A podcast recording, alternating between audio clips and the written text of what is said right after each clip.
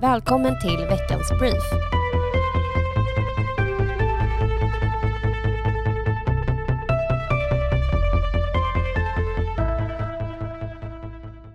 Hej och välkommen till Stockholmpodden och veckans brief där vi går igenom de senaste politiska nyheterna. Jag heter Disa och med mig har jag som alltid min vapendragare Celine. Hur är det med dig idag? Jag mår bra och vi har ju haft våra kära kollegor på förbundskanslierna från Skåne och Västra Götaland på besök mm. eh, i två dagar faktiskt. Så vi har eh, vässat på eh, våra samarbete helt enkelt. Ja, jättespännande. Jag har inte träffat någon av dem innan så det var jättekul att få tillbaka lite dialekt. Och ja, men, de har många intressanta projekt som jag tror att vi kan lära oss av och att vi kan också lära dem mycket. Så att jag ser fram emot det samarbetet.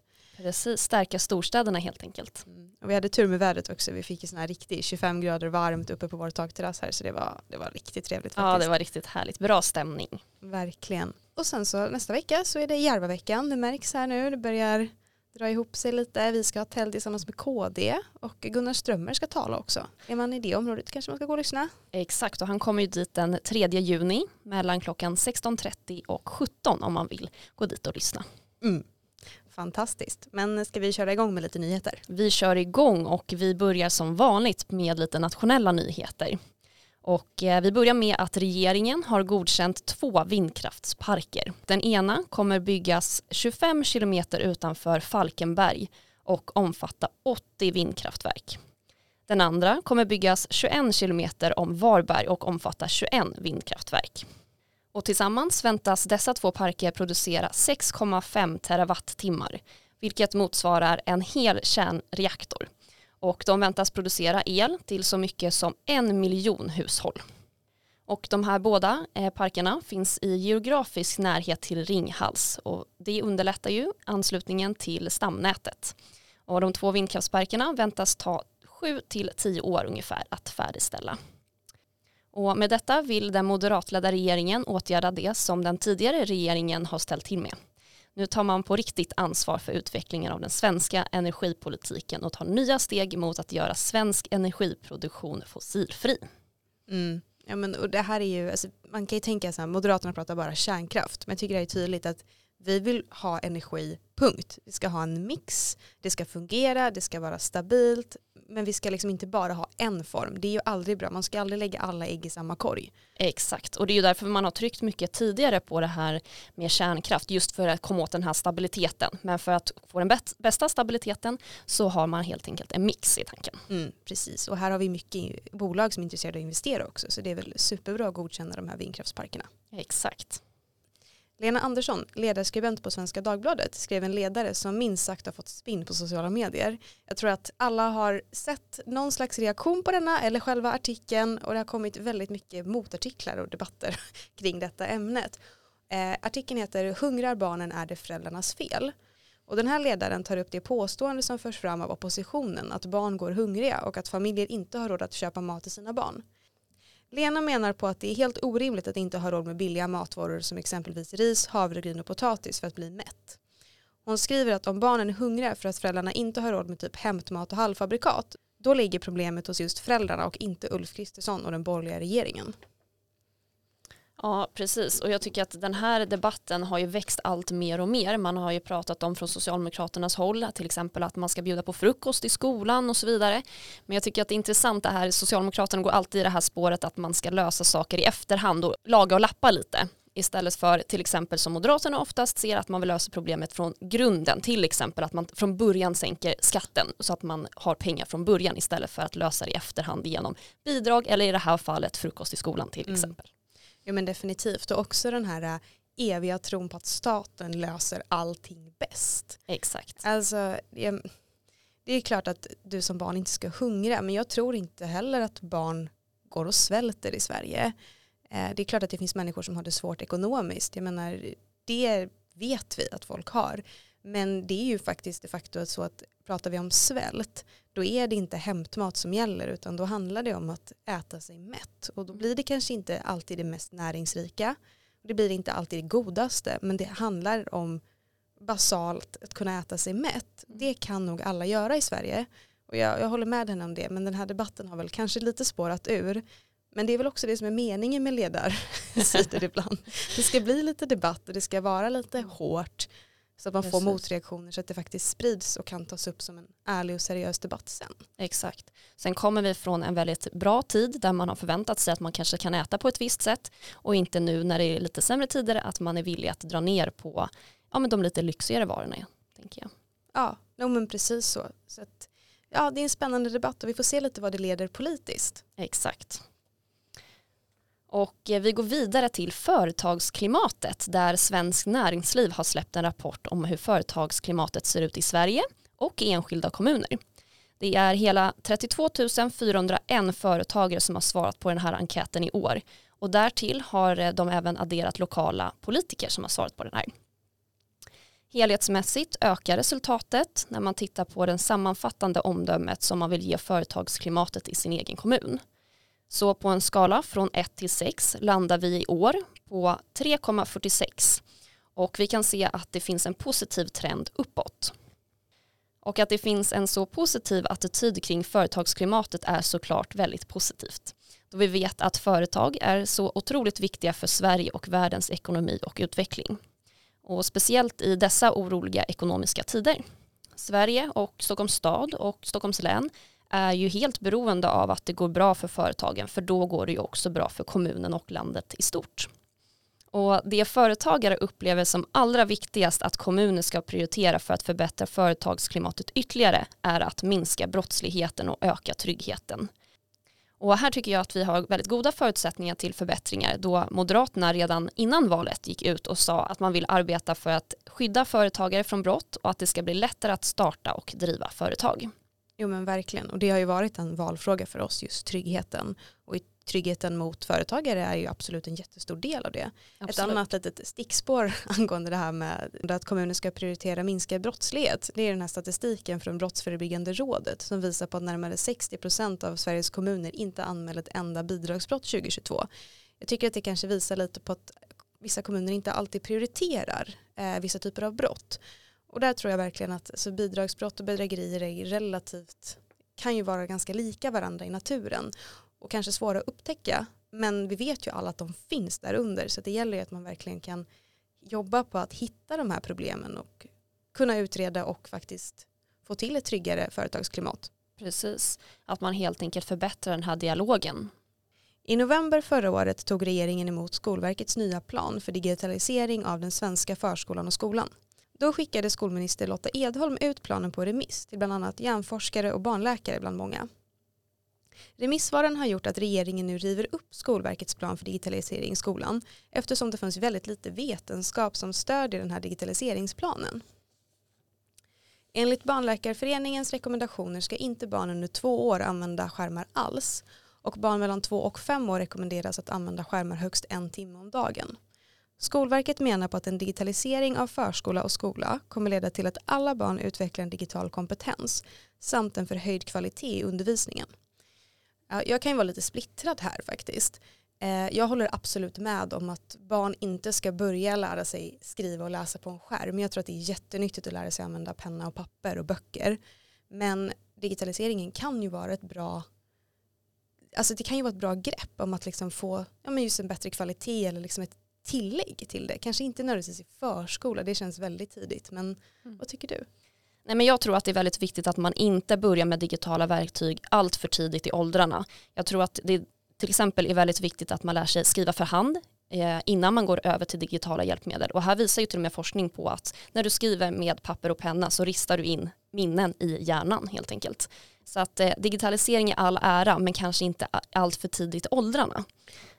Och Nej. att man kanske använder det som ett komplement snarare än att man bara har digitalt, digitala hjälpmedel. Jo men verkligen och sen så är ju barn och unga alltså, snabbast på att hoppa på ny teknik på sin privata och fritid.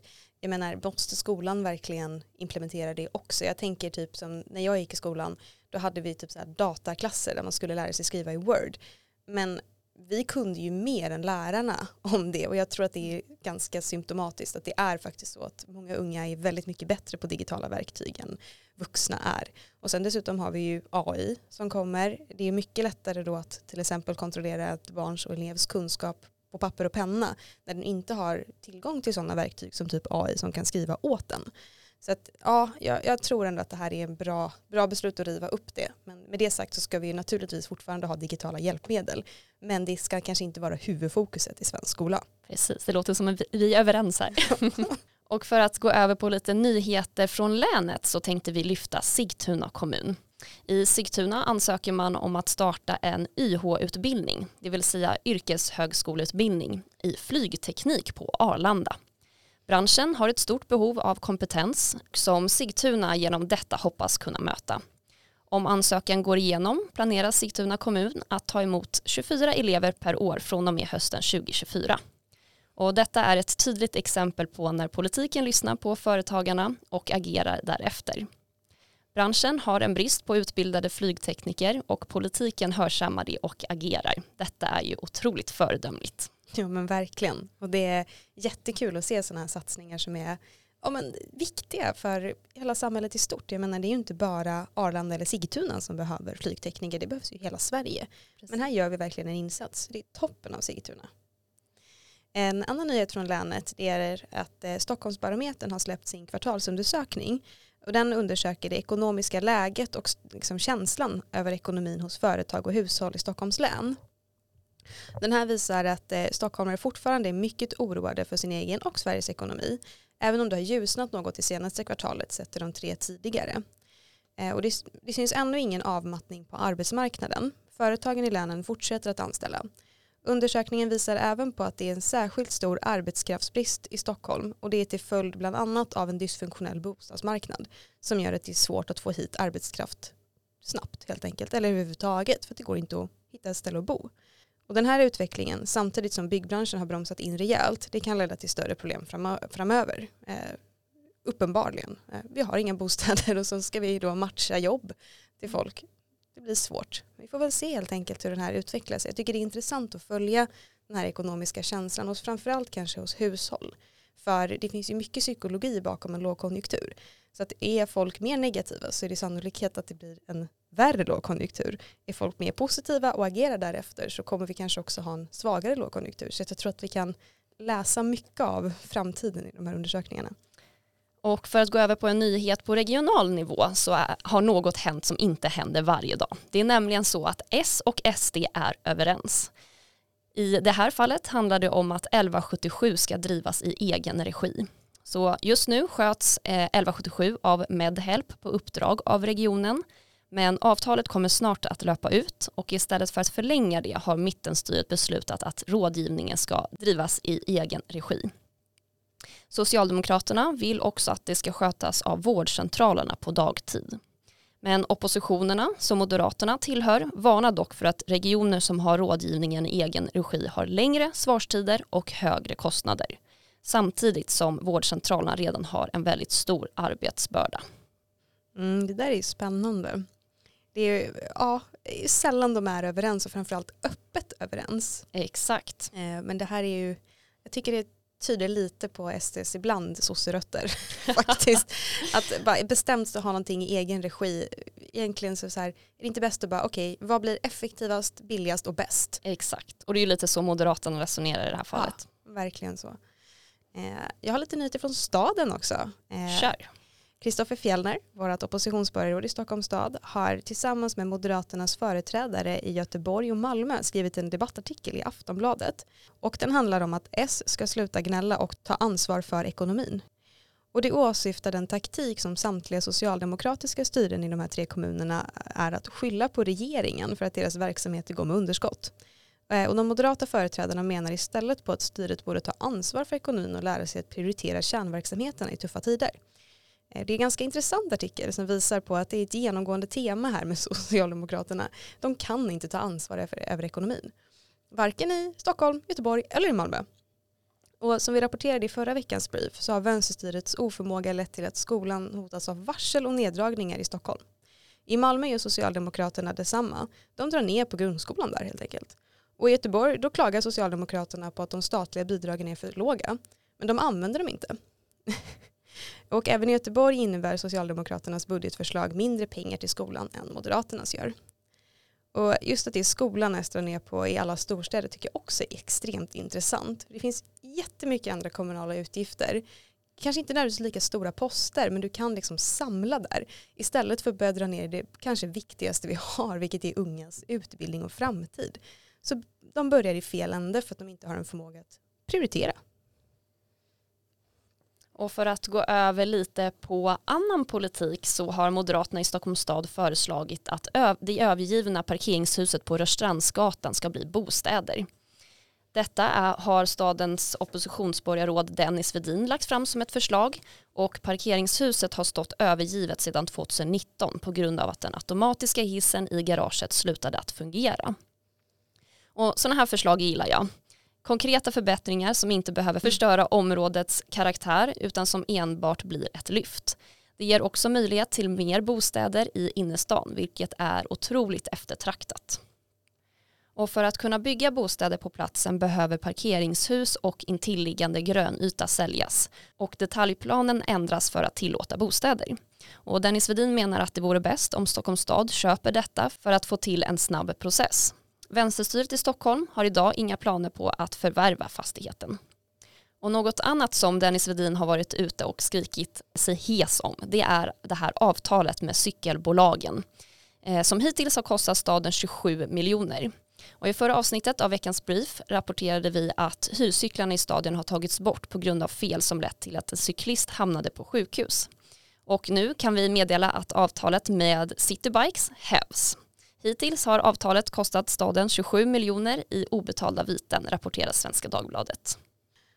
Ja, det är spännande när det sker lite utveckling här på våra grejer vi rapporterar om. Och det här, även om det är tråkigt att inte ha några hyrescyklar, jag hade själv haft stor nytta av det som byter buss i Slussen. Eh, det hade varit jätteskönt om jag istället kunde ta en cykel till jobbet från Slussen. Men det måste ju faktiskt vara säkra cyklar också och det måste vara fungerande. Så vi hoppas helt enkelt på att vi får ett nytt bättre avtal med bättre cyklar framöver. Precis. Och det var lite kort om de senaste politiska nyheterna som berör Stockholms stad och län.